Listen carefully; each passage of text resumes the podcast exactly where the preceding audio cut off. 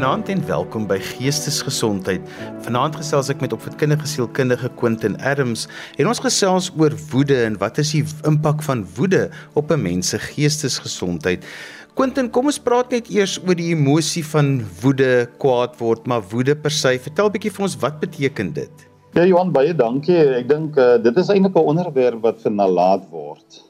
Uh ons fokus verskriklik op depressie en angs en alle versteurings Ehm um, nou onlangs het mense vir my navraag met na hulle het navraag gedoen oor bipolêre uh, toestande. Dis sê ek maar ons moet bietjie oor woede ook praat. So baie dankie dat ons praat oor woede. Ehm um, uh, oom het nou die dag gesê hy um, hy hy hy hy so kwaad, sy bors raak warmer. Hy hy hy moet na die dokter toe gaan want ek dink hy het nou borsprobleme. Ehm um, so dis 'n onderwerp wat ek dink ehm um, baie mense raak op hierdie stadium. Ehm um, ehm um, en ek dink ons ons moet dit eh, die onderwerp 'n bietjie oopmaak en so ek sal 'n baie kort uh, werkende definisie ehm um, gee van van van wat woede is. Ehm um, want ek dink uh, ons moet 'n definisie gee wat wat wat mense kan identifiseer en hulle moet dit kan verstaan. Ehm um, ek sê altyd dat woede is 'n is 'n intense emosionele opwekkingspatroon. Nou daai woord is vir my absoluut belangrik dat dit is 'n intense emosionele opwekkingspatroon wat plaasvind in 'n reaksie op 'n waargenome bedreiging teenoor diself, teenoor gemeenskap, teenoor 'n familie. So daar's drie fasette vir my wanneer dit kom by woede is dat dit is 'n intense emosionele opwekkingspatroon. Nou die rede hoekom ek sê dis 'n opwekkingspatroon of dit is wat die literatuur sê is dat as jy 'n termometer vat, dan dan sien jy hoe die kook begin te styg. En en dit is wat wat woede eintlik betref. Jy kry mense wat wat hulle skwaad maar hulle reageer nie en dan soos die kook begin te styg waar hulle na kookpunt toe gaan, wat beteken dat dit is dit is die intense emosionele opwekking. Dit is 'n opwekking. Dit is dit is dit is progressief. Hy gaan vorentoe, hy gaan hoër en dan is dit as gevolg van 'n reaksie. Jy reageer op 'n uh, waargenome bedreiging. Nou as ons praat van bedreiging, dan praat ons van ehm um, nie net fisiese bedreiging nie, ons praat van emosionele bedreiging. Ons praat van ehm um, die persoon skaad my my my selfbeeld, die persoon skaad wie ek is. Ehm um, en en dan begin mense met hierdie emosionele opwekkingspatroon. Um en en woede is is is iets wat verskillend as kwaad wees. Jy kry jy kry ek is kwaad vir iets en dit is 'n konstante patroon. Um ek is kwaad vir dit uh maar woede is 'n opwekkingspatroon wat beteken hy hy fluktueer en hy en hy raak baie meer intens. En een van die interessante voorbeelde van woede is gewoonlik padwoede ehm um, hier by Kaapse vlakte sien ek dit baie met die taksies as jy daar ry en en iemand kom dan wys hulle vir jou allerlei ehm um, tekens uh, ten opsigte daarvan en en mense draai hulle ruitte af en hulle sê vir jou wat jy nog nooit van gehoor het en jy kan sien hierdie intense emosionele opwekkingspatroon. Nou daar sommige van daai mense wat nie daai opwekkingspatroon kan kan hanteer nie. Hulle raak heeltemal buite buite beheer en dan kry jy nou die eerste graad van van woede waaroor ons seker nou later sal praat. Maar wat vir my belangrik is van hierdie werkende definisie, dis 'n intense emosionele opwekkingspatroon wat 'n reaksie is op 'n waargenome bedreiging teenoor jouself, teenoor gemeenskap en en dan word dit dan gaan dit gepaard gewoonlik met of jy val aan of jy verdedig of jy jy kryp weg. Want daar is nogal belangrik vir my om oor te gesels want daar's tog 'n aspek van angstigheid wat saam met woede gaan. Ja, wat gebeur is dit dit is meer as net angs wat woede be, betrokke is. Ek dink een van die fasette wat mense gewoonlik uh, uitlaat is irrasionele denke. En baie keer as jy kyk hoe mense want want want, die, want dit is wat dit is presies wat die definisie sê. Die definisie sê dis 'n reaksie oor 'n waargenome bedreiging my verstaan van wat 'n bedreiging is en jou verstaan van wat 'n bedreiging is mag anders geïnterpreteer word.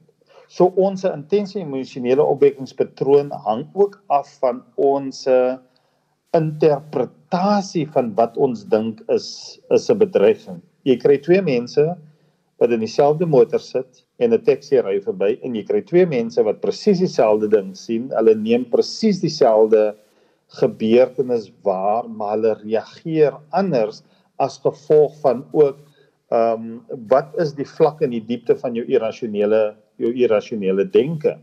En dan natuurlik die tweede gedeelte wat is dat jy kry mense wat gewoonlik hypersensitief is. Daar's 'n ander woord, jy kry hypersensitiwiteit, jy kry hypervigilant, hulle is oorsensitief. Ehm um, daar's sommige mense in die in val in die bendekultuur wat as jy hom op 'n sekere manier kyk, dan voel hy onmiddellik bedreig. En hy hou nie van die manier hoe jy na hom kyk nie. So dit gaan alles oor jou interpretasie en jou verstaan en jou verwerking wat jy dink is die waargenome bedreiging. So dit gaan nie net gepaard met angs nie, dit gaan ook gepaard met 'n um irrasionele irrasionele denke. En dis hoekom jy byvoorbeeld in skoolverband kry waar jong mense byvoorbeeld uh ontlok word as gevolg van net 'n woord wat iemand sê, 'n vloekwoord byvoorbeeld. Uh iemand vloek jou en dan dan is dit 'n dan is dit 'n 'n 'n reaksie wat wat jy sien waar waar een van die kinders seer gemaak word. Jy kry jy kry kinders wat reageer as jy te lank na hom kyk, jy kyk hom op 'n sekere manier dan dan wil hy reageer van sy interpretasie van wat daar gebeur. Ehm um, is is is gesetel binne in irrasionele denke. So ek sal sê dat woede vind nie plaas vind nie net plaas as gevolg van angs nie, dit vind ook plaas as gevolg van irrasionele denke, maar dit kan ook plaasvind as gevolg van jy het net nie die nodige vaardighede hoe om emosionele regulering te kan doen nie. Dit is 'n belangrike gedeelte. En ons sien veral met met met kinders in wat hierdie uh tempe tantrums gooi binne in die winkel, daar's geen emosionele regulering nie. Hy wil dit nou hê of sy wil dit nou hê ten alle koste en ek sal my ma sal ek in die verleentheid stel hier in hierdie winkelsentrum want dit is nou wat ek wil hê en jy sien hierdie vinnige skielike woede uitbarsting want dit is wat ek nou wil hê. So wat gebeur is daar moet nou verduidelik word die rasionele uh, ontwikkeling moet nou plaasvind en en daarom is dit belangrik dat wanneer ons na woede kyk dat ons na die hele spektrum van van woede kyk vanaf hierdie temper tantrums vloermoer wat jy gooi in die winkel tot hierdie padwoede wat jy kry tot hierdie konstante uitbarsting wanneer die krag afgesit word wanneer jy 'n belangrike taak moet doen. Quentin mense sê altyd die beste manier om 'n tantrum te hanteer is om dit nie te laat gebeur nie. So maar as jy saam met iemand leef wat baie woede uitbarstings en maklik dit kry, loop jy later so op eiers dat jy amper wil ek sê jy bly heeltyd om net nie hierdie uitreageer of woede te laat gebeur nie jy gee amper jouself 'n bietjie op in die proses. Ja, want wat gebeur as mense het uh, verskillende ehm um, hulle hulle is hulle uh, sensitiwiteitsvlakke is verskillend. En en baie mense uh, uh, ouer mense of volwasse mense het het te doen met uh dit kan 'n persoonlikheidstyl ook wees. Jy jy kry mense wat net op uh sekere stimule reageer. Dit dit is verskriklik hoe mense op sekere stimule uh, reageer omdat mense het is ook ekstern afleibaar. Uh enigiets wat gebeur en as ek praat van stimuleer is dit byvoorbeeld ehm um, ek het deur Facebook gegaan en iemand het 'n stelling daar gemaak en dit ontstel die persoon nou heeltemal van wat gebeur is en en en en daarom gaan dit oor jou jou inligtingverwerkingsmodel, jou rasionele inligtingverwerkingsmodel. Wat wil jy deur gaan waar reageer jy, waar reageer jy nie?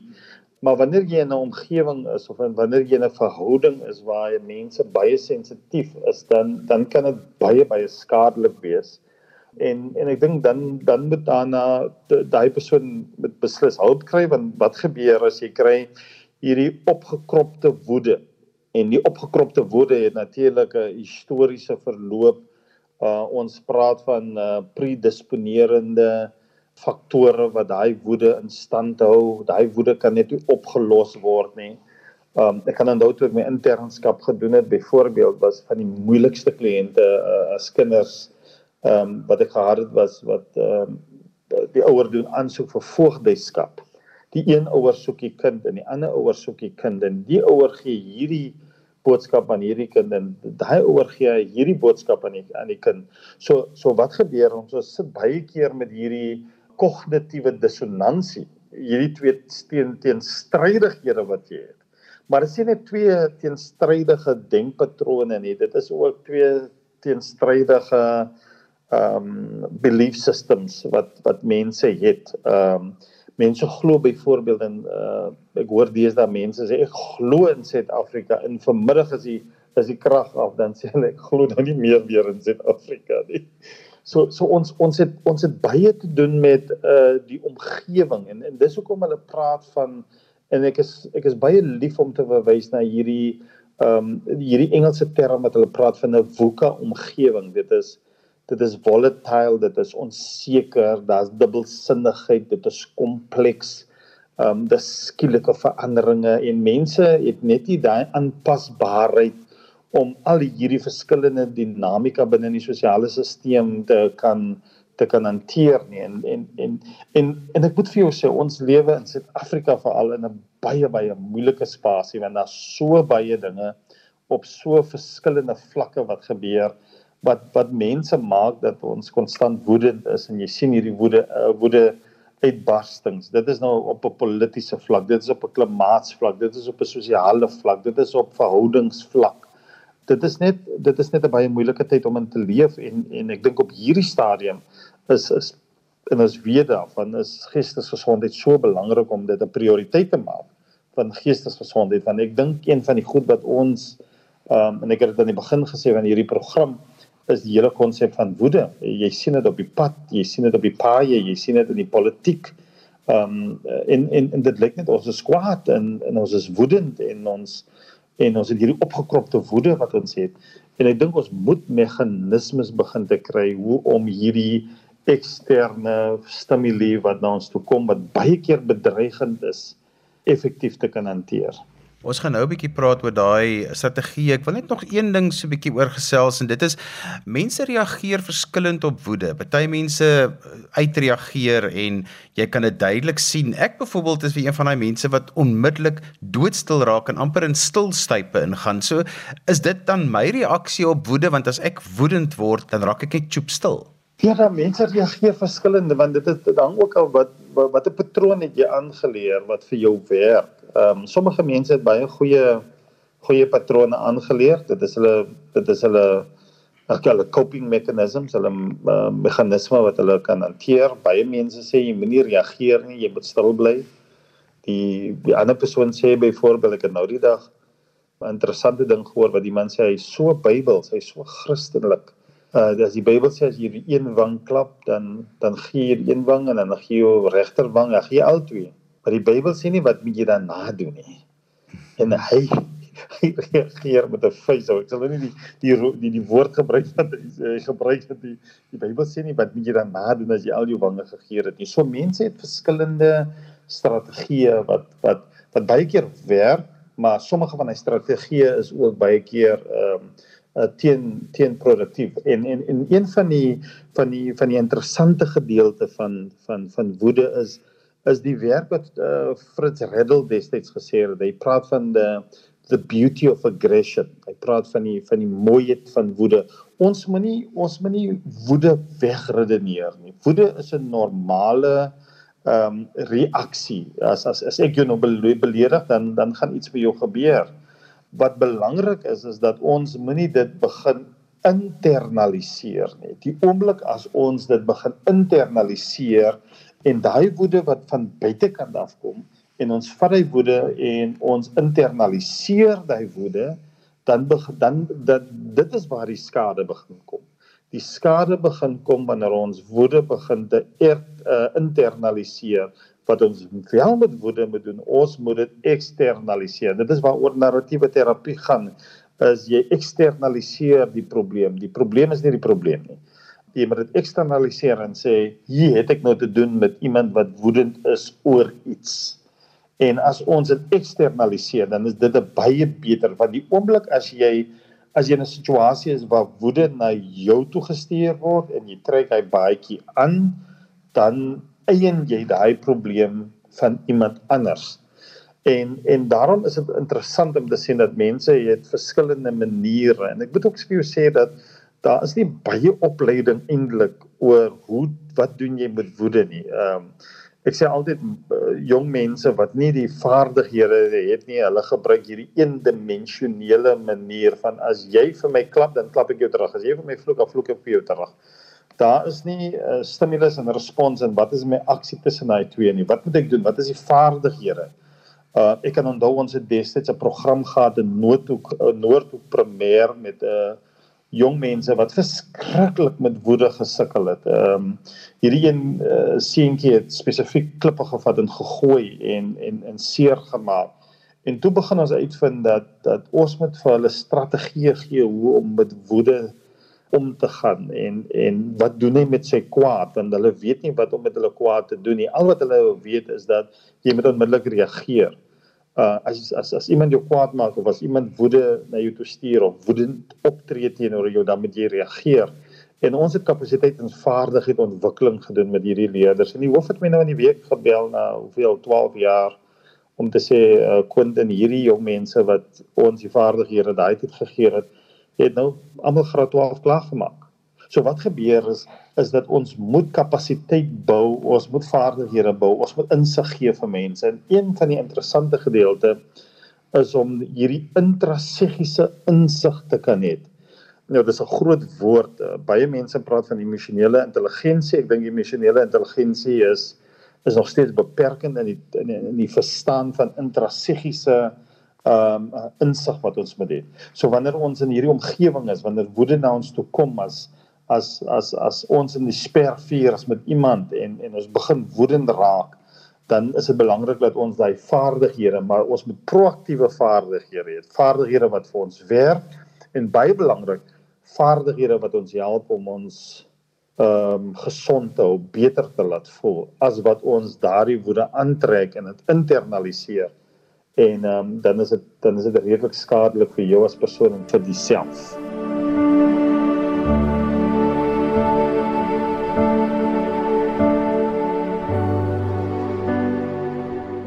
So Quentin, jy praat van hierdie vaardighede wat 'n mens moet leer om nie dadelik op woede te reageer nie. Hoe leer ek daai vaardighede aan? Wat is die vaardighede? Wat is die strategieë? Johan, ek het nou 'n 'n praktiese metode gevind om met onderwysers te werk rondom hoe hulle met hulle woede kan kan hanteer. En ek dink die eerste belangrike faset wat ek begin het is om met 'n fisiese termometer vir hulle te wys. Want as ons weer terugkom na die definisie van van woede toe dan praat ons van hierdie intense emosionele opwekkingspatroon. So jy gaan in die oggend skool toe en jy's heel opgewonde, optimisties, jy's reg vir die skool en dan begin 'n insident. En hierdie ehm um, insident versteur jou emosionele ekwilibrium. Jy's heeltemal van slag af. Ehm um, en en nou begin hierdie hierdie woede en die kwaad begin nou te styg. En nou gebeur daar nog iets. Die hoof vra vir jou iets. Uh, jy kry 'n boodskap van die van van 'n ouer af. Uh, jy kry 'n moeilike leer en nou sien jy die kook begin te styg. Nou dis hoekom dit belangrik is dat ek in elke klaskamer in hierdie land wil ek 'n termometer sit en sê meneer en juffrou kyk eers waar lê jy. As jy kyk na daai insident wat van van die juffrou wat so 2, 3 jaar gelede die kind geklap het, dan kan jy sien ehm um, dat die dat die dat daai termometer was al reeds hoog geweest van beide die leerder en beide die onderwyser. So ek dink voordat ons na strategieë moet kyk, moet ons eers begin te erken waar staan ons in terme van hierdie emosionele uh termometer wat ons het.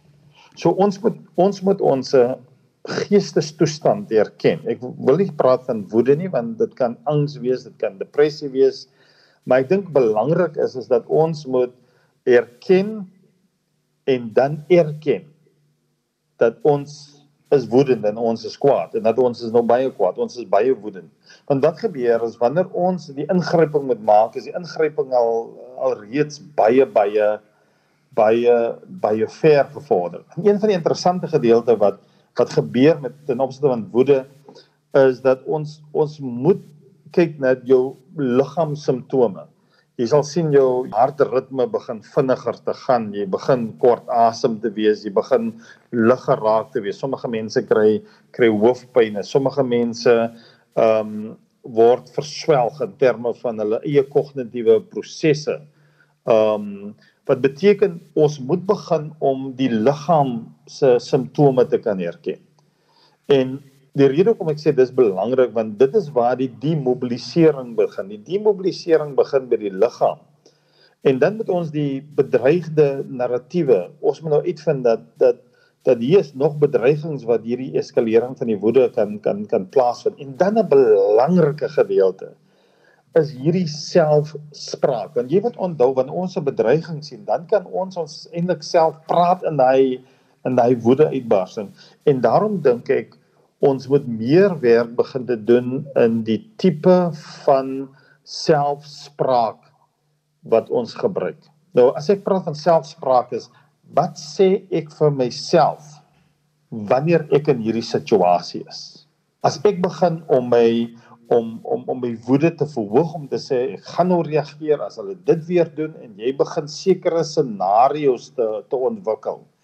Ek het eendag met 'n groep onderwysers ge, gewerk en toe sê ek vir hulle as hierdie drie, hulle moet met die moeilikste drie kinders gee uh waarmee hulle werk. As hierdie kinders in hulle omgewing is, watter vier scenario's is daar?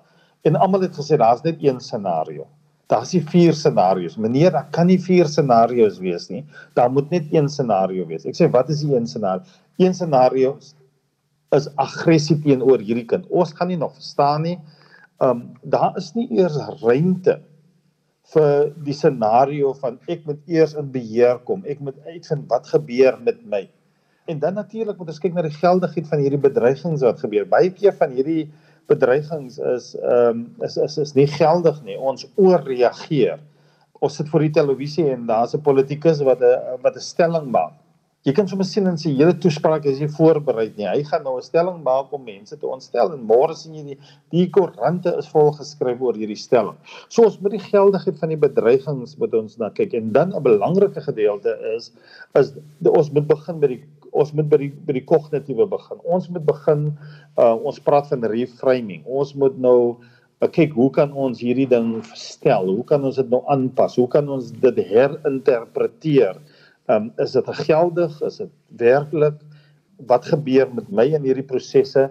En dan baie belangrik, moet ons sekere praktiese strategieë hê. Moet ek wegstap van dit af? Moet ek stil bly? Moet ek reageer? Moet ek wag vir tyd? Of moet ek hierdie situasie vermy? En ek dink dit is die die die laaste proses, maar die eerste proses is die is wat gebeur met die liggaam? Wat gebeur met selfspraak en dan belangrikheid is om die bedreigings te evalueer um ten opsigte van wat uh presenteer jy mee in hierdie situasie. Quentin baie keer is mense dit gebeur amper soos 'n refleks by hulle en oor jare het hulle nou hierdie patroon aangeleer en en dit wat jy nou gesê het maak soveel sin maar as dit nou oor jare by my aangeleer is dat ek so onmiddellik reageer en ek is sommer vinnig warm gehardloop en ek uitreageer kan 'n mens dit verander? Ja, ek dink dit die verandering is is is beslis moontlik. Dit gaan net tyd vat want jy moet blootgestel word en 'n patroon word nie oornag aangeleer nie.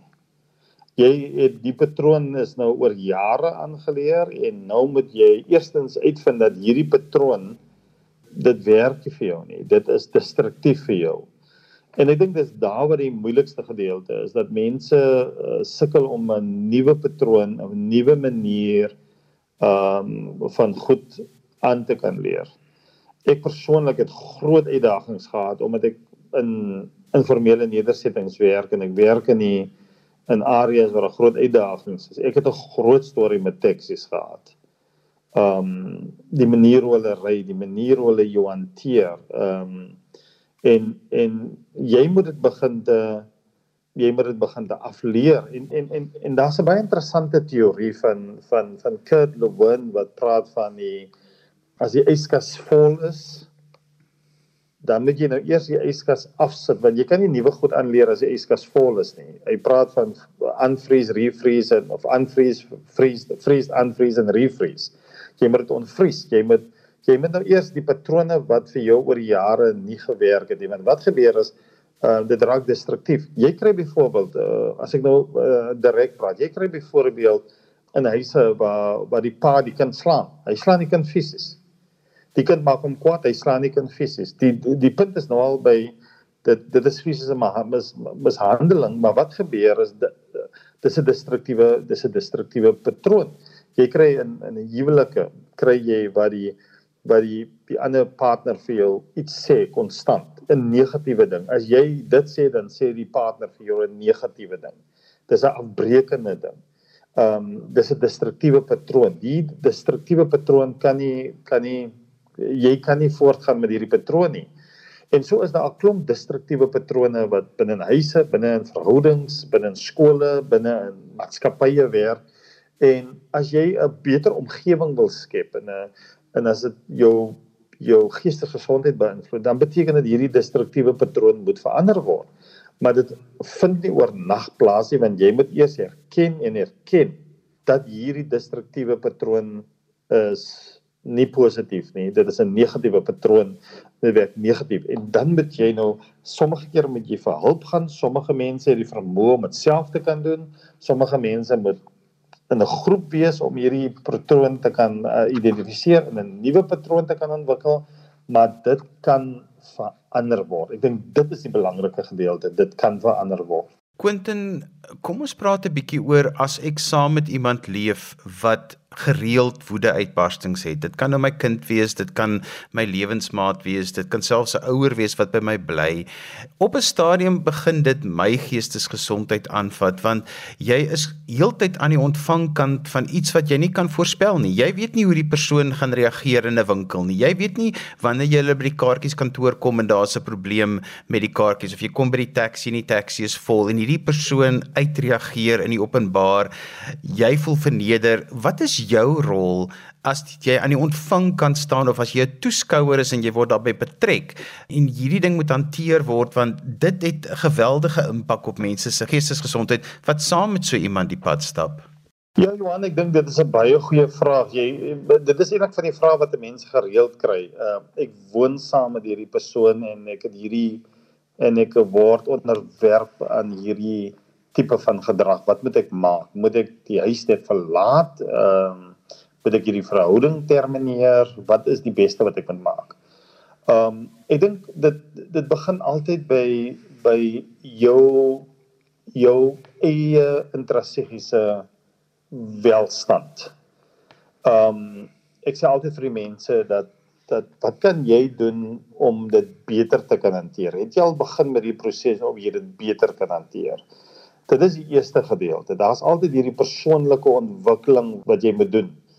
En in ons lewe in hierdie wêreld uh waar daar ongelyke magsverhoudinge is. Want ons moenie die hele konsep van magsverhoudinge uh uitlaat wanneer ons met hierdie dinamiek te doen het. Want hierdie dinamiek is baie interessant.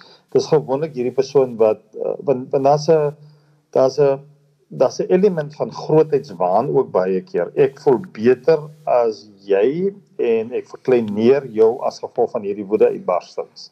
So ons moet nie die magsverhouding uh, uithaal nie want dit is 'n uh, eerstens die die hele gedrag teenoor jou is gebaseer op hierdie ongelyke uh magspel wat gebeur. Ek is meer as jy, so ek sal jou minder ag as wat gebeur.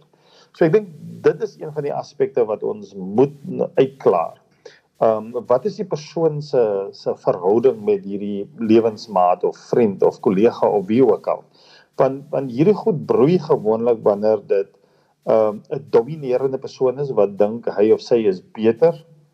Ehm um, het meer mag en dan jy is die ondergeskikte persoon. So so daai magsbalans en magsverhoudinge moet eers uitgesorteer word. So in daai konteks sal ek vir die persoon vra is dat is dit die situasie en en wat maak jy om om hierdie om hierdie uh, ongelyke magsbalans en magsverhoudinge in stand te hou?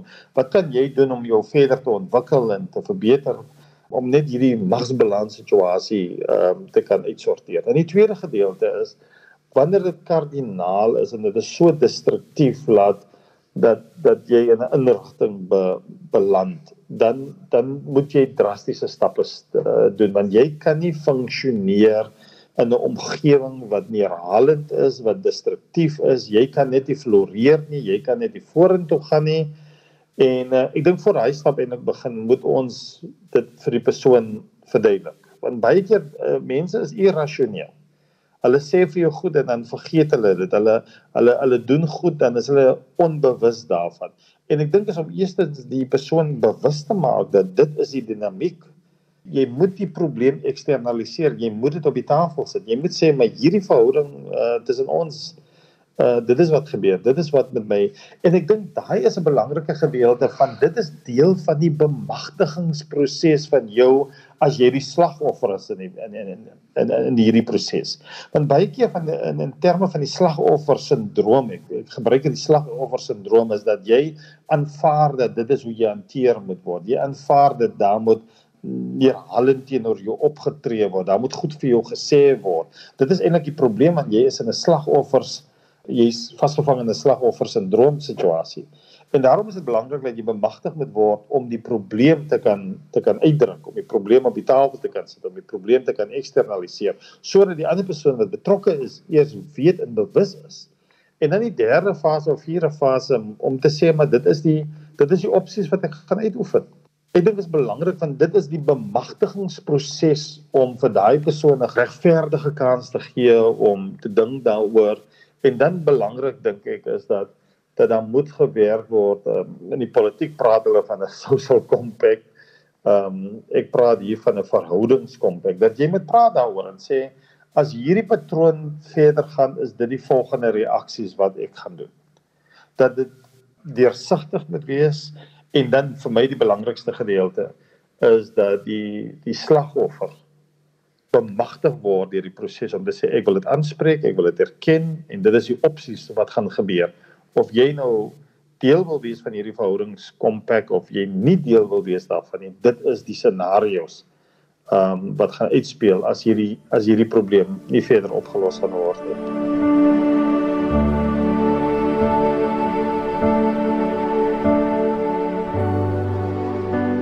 Quentin, ek wil bietjie ons moet gesels oor 'n groter prentjie van woede en dit is nou wanneer 'n mens kwaad is oor beerkrag, jy's kwaad oor die historiese verlede, jy's kwaad oor wat aan ons land in die gebeur is, die dinge wat elke dag in die koerante en op die internet uitkom. En dan elke keer as jy nou 'n sosiale media bladsy ingaan en iemand skryf oor iets, dan kom jy elke keer terug met hierdie woede wat in jou opgebou het. Jy het um, voorheen gesê mens wil leef saam met the weight of the past, the push of the present and the pull of the future.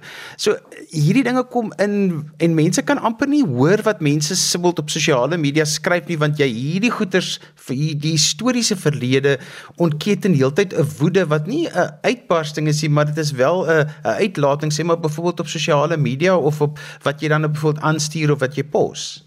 Ja Johan, de, wie wat is ook baie skadelik is wat uh Sigmund Freud gepraat het as ons am, elke keer hierdie verdedigingsmeganisme van ontkenning gebruik um, ons kry seer in die proses en ons is gereeld in 'n ontkenningsfase. Ons erken nie dat dit skadelik nie.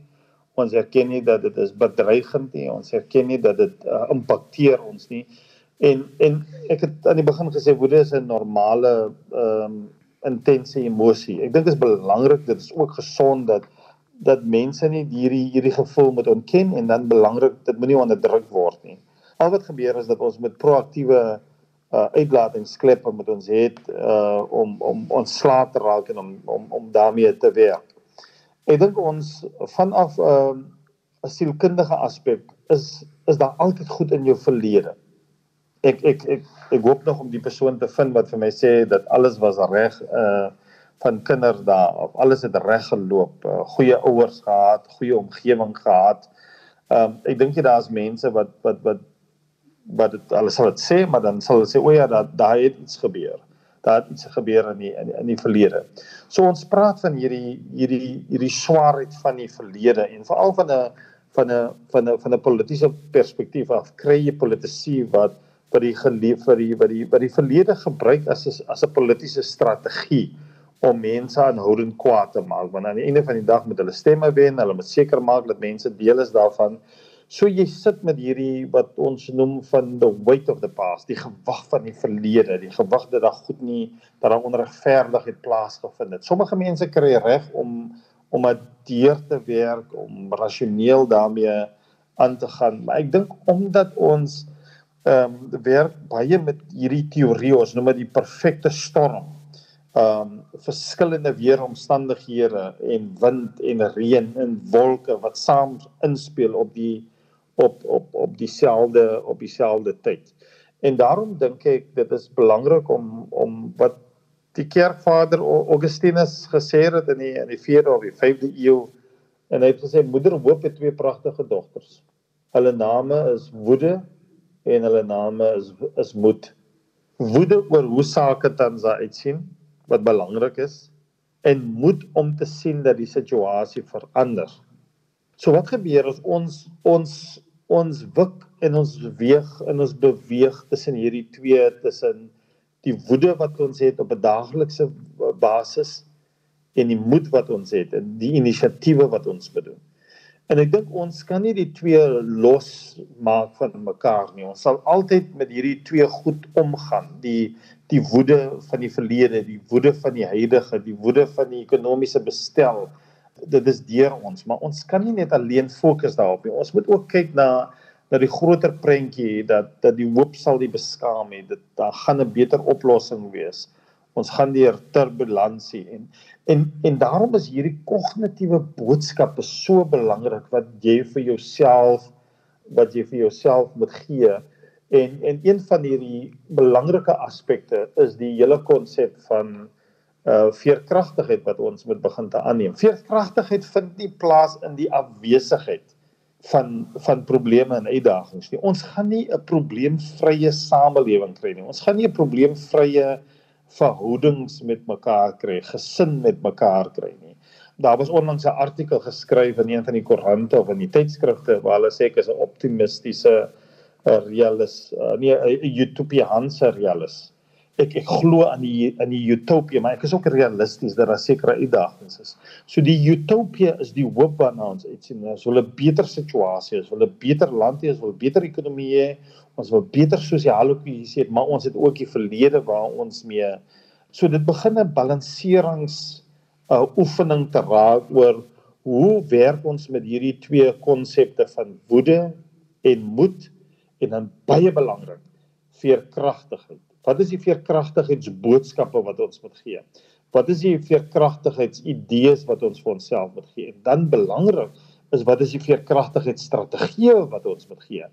En baie interessant wat deel is van hierdie veerkragtigheid. Ek het dit vroeër genoem as die reframing. Ons kyk anders na hierdie ons kyk anders na hierdie situasie. Ek het nou gister oggend 'n baie mooi oproep gekry van 'n van 'n man wat sê dat hierdie vrou werk nou al so lank by hulle en hulle het nou uitgevind dat hierdie vrou bly in 'n bevallige bevallige struktuur.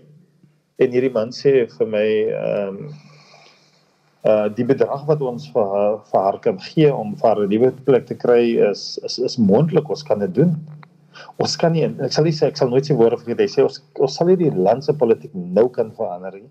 Maar ons kan vir hierdie vrou wat nou daar slaap tussen die rotte wat sy is nadat sy dit vir hulle genoem het, kan ons verander. En dit is wat vir my die mooi is. Ons ons sit met die woede van die huidige en die Eskom probleme, maar ons sit met hierdie moed, ons sit met hierdie hoop aan die een kant. So wat beteken dit dat op 'n klein skaal ehm um, kan ons veranderinge maak. Ons kan dinge verbeter. Ons kan ehm um, dinge proaktief doen alhoewel ons nie in beheer is van hierdie globale ehm um, makro goed wat wat ons altyd nie oor beheer het nie. Kan ons op 'n klein skaal kan ons hoop genereer en ons kan moed kan ons ons kan nuwe moed bou en ons kan baie belangrik um nuwe veerkragtigheid bou in ons lewens. Quentin baie keer as mense sukkel met woede of anger issues het dan sê mense jy moet gaan en ek noem dit nou maar so vir anger management treatment. Wat beteken dit en watse behandelingsopsies is daar vir iemand by wie dit regtig 'n patologiese distinksie geraak het? Ja, ek dink wanneer jy wanneer wanneer dit 'n patologiese funksie is, dan moet ons nou weet dit kan dit kan deel wees van 'n moontlike persoonlikheids ehm um, dit kan moontlik wees deel van persoonlikheid dit kan moontlik deel wees van uh posttraumatiese stres wat die persoon het. Ek dink dit is belangrik dat wanneer daar 'n woede plaasvind waaroor die persoon nie beheer het nie, dat die persoon moet gaan vir professionele hulp. Want wat gebeur is die woede kan gesetel wees in persoonlikheid, dit kan gesetel wees in uh posttraumatiese verstoring, dit kan dit kan op verskillende vlakke kan dit uh, presenteer. Ek het so tyd gelede het iemand my gebel ehm um, en sy maat my geroep op 'n Saterdagmiddag ek moet kom na hulle gemeenskap toe en toe ek daar kom toe het hierdie man 'n mes en hy het die hele straat met die met die met die mes gejaag.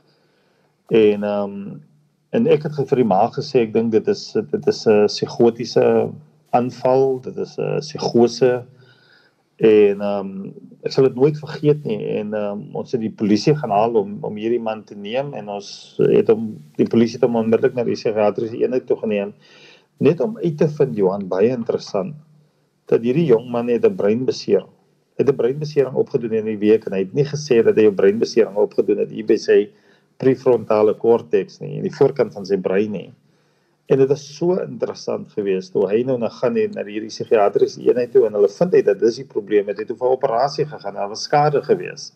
En dit was interessant dat die onkunde wat daar in die straat en die omgewing was oor wat nou hier gebeur het met hierdie man, hulle het gesê hy's gevaarlik, hy's 'n rower, hy's 'n misdadiger en nadat ons die regte kanale gevolg het, het ons uh, uitgevind dat daar is 'n probleem. Hy hy het sy brein het hy beseer en hy het toe gegaan vir 'n breinoperasie en as gevolg van medikasie het hy nie weer hierdie gedrag geopenbaar nie. En en daarom dink ek dit is absoluut belangrik en ek wil dit baie sterk aanbeveel dat mense moet gaan want dit is dit is dieper as net anger management. Dit kan ander moontlike uh psigologiese uitdagings wees wat die persoon byvoorbeeld mee uh presenteer. En en ons moenie hierdie hierdie skade op die brein, ons moenie uh, hierdie uh liggaamlike uitdagings ehm um, of ander siektes uh, uitsluit nie. En en, en ek dink is belangrik dat die persoon ehm um, die nodige kundigheid met dit en baie keer ehm um, soek mense baie keer 'n quick fix. Jy weet jy wil gaan en jy soek die disprin tablet vir die hoofpyn maar dan is dit 'n dieper liggende probleem. En ek dink ons moet hierdie hierdie wetenskap ons moet erkenning gee aan die aan aan hoe ver wetenskap gevorder is ten opsigte van hoe dit kan help met emosionele probleme. En ek sal dit baie baie sterk aanbeveel dat mense wel vir psigologiese of by 'n psigiater of vir mediese hulp gaan om om te kyk wat is die wat is die wat is die kern uh oorsake van hierdie hierdie hierdie aggressie en hierdie woede. Quentin, kom ons som op. Wat sê ons vanaand vir die mense oor woede? Ons sê vir mense dat ons lewe in 'n omgewing waar daar baie oorsake is wat ons baie woedend kan maak. En ek dink dit is belangrik om te verstaan waarom ons woedend is. Ehm um, soos ons vroeër gesê het, dis hierdie intense en hele intensiewe emosionele toestand. En ek dink dit is belangrik dat ons met na hierdie podcast luister want ek dink ons het baie uh, pitkos gegee um, vir myself Johan. Ek wil na hierdie na hierdie podcast wil ek weer gaan luister Ehm um, want ek het ek dink ek het vanaand 'n uh, paar goed kwyt geraak wat ek wil weer self na myself kyk, na my eie woede wat ek het wanneer ek in gemeenskappe werk en ek sien wat gebeur. Maar ek dink dit is belangrik dat ons moet erken dat ons woedend is en ons moet erkenning gee en ons moet daadwerklike proaktiewe aksies en strategieë in plek sit. En ek dink ons moet dit 'n prioriteit maak binne in hierdie geestes ehm um, gesondheids ehm um, konteks en en veld wat ons bespreek wat so brood nodig is op hierdie stadium. Want ek moet vir jou sê ek het nou die dag 'n dokument geskryf wat ek wat ek dringend moes stuur en net wat ek dit wil stuur. Toe slaan die krag af. En uh, as mense my woede gesien het op daai oomblik en dit is 'n werklike redes wat jy wat jy het as gevolg van hierdie krisis.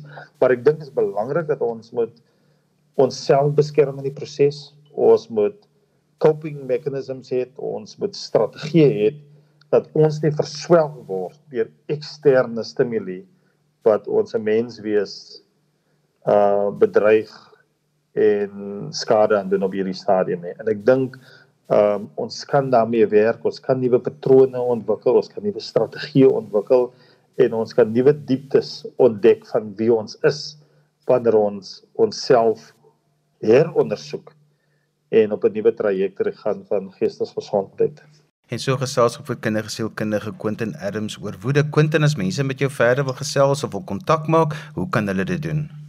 Gewoon hulle kan vir my 'n WhatsApp stuur op my selfoonnommer 0826985103 en ek dink ons sal 'n goeie gesprek hê en kyk hoe ons mekaar kan help. Ek dink op hierdie stadium in hierdie lewe in hierdie land moet ons aangewese wees om mekaar te kan help en te kan ondersteun want ons het nou mekaar brood nodig meer as ooit.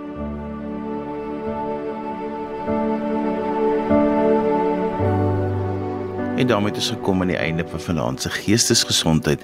Onthou jy kan weer na vanaand se program luister as 'n potgooi en laai dit af by resgep.co.za. Skryf gerus vir my 'n e e-pos by Johanvanlull@gmail.com en onthou daai Johan het net een N. En daarmee groet ek dan vir vanaand. Kyk mooi na jouself. Tot volgende keer van my Johan van Lill. Totsiens. thank you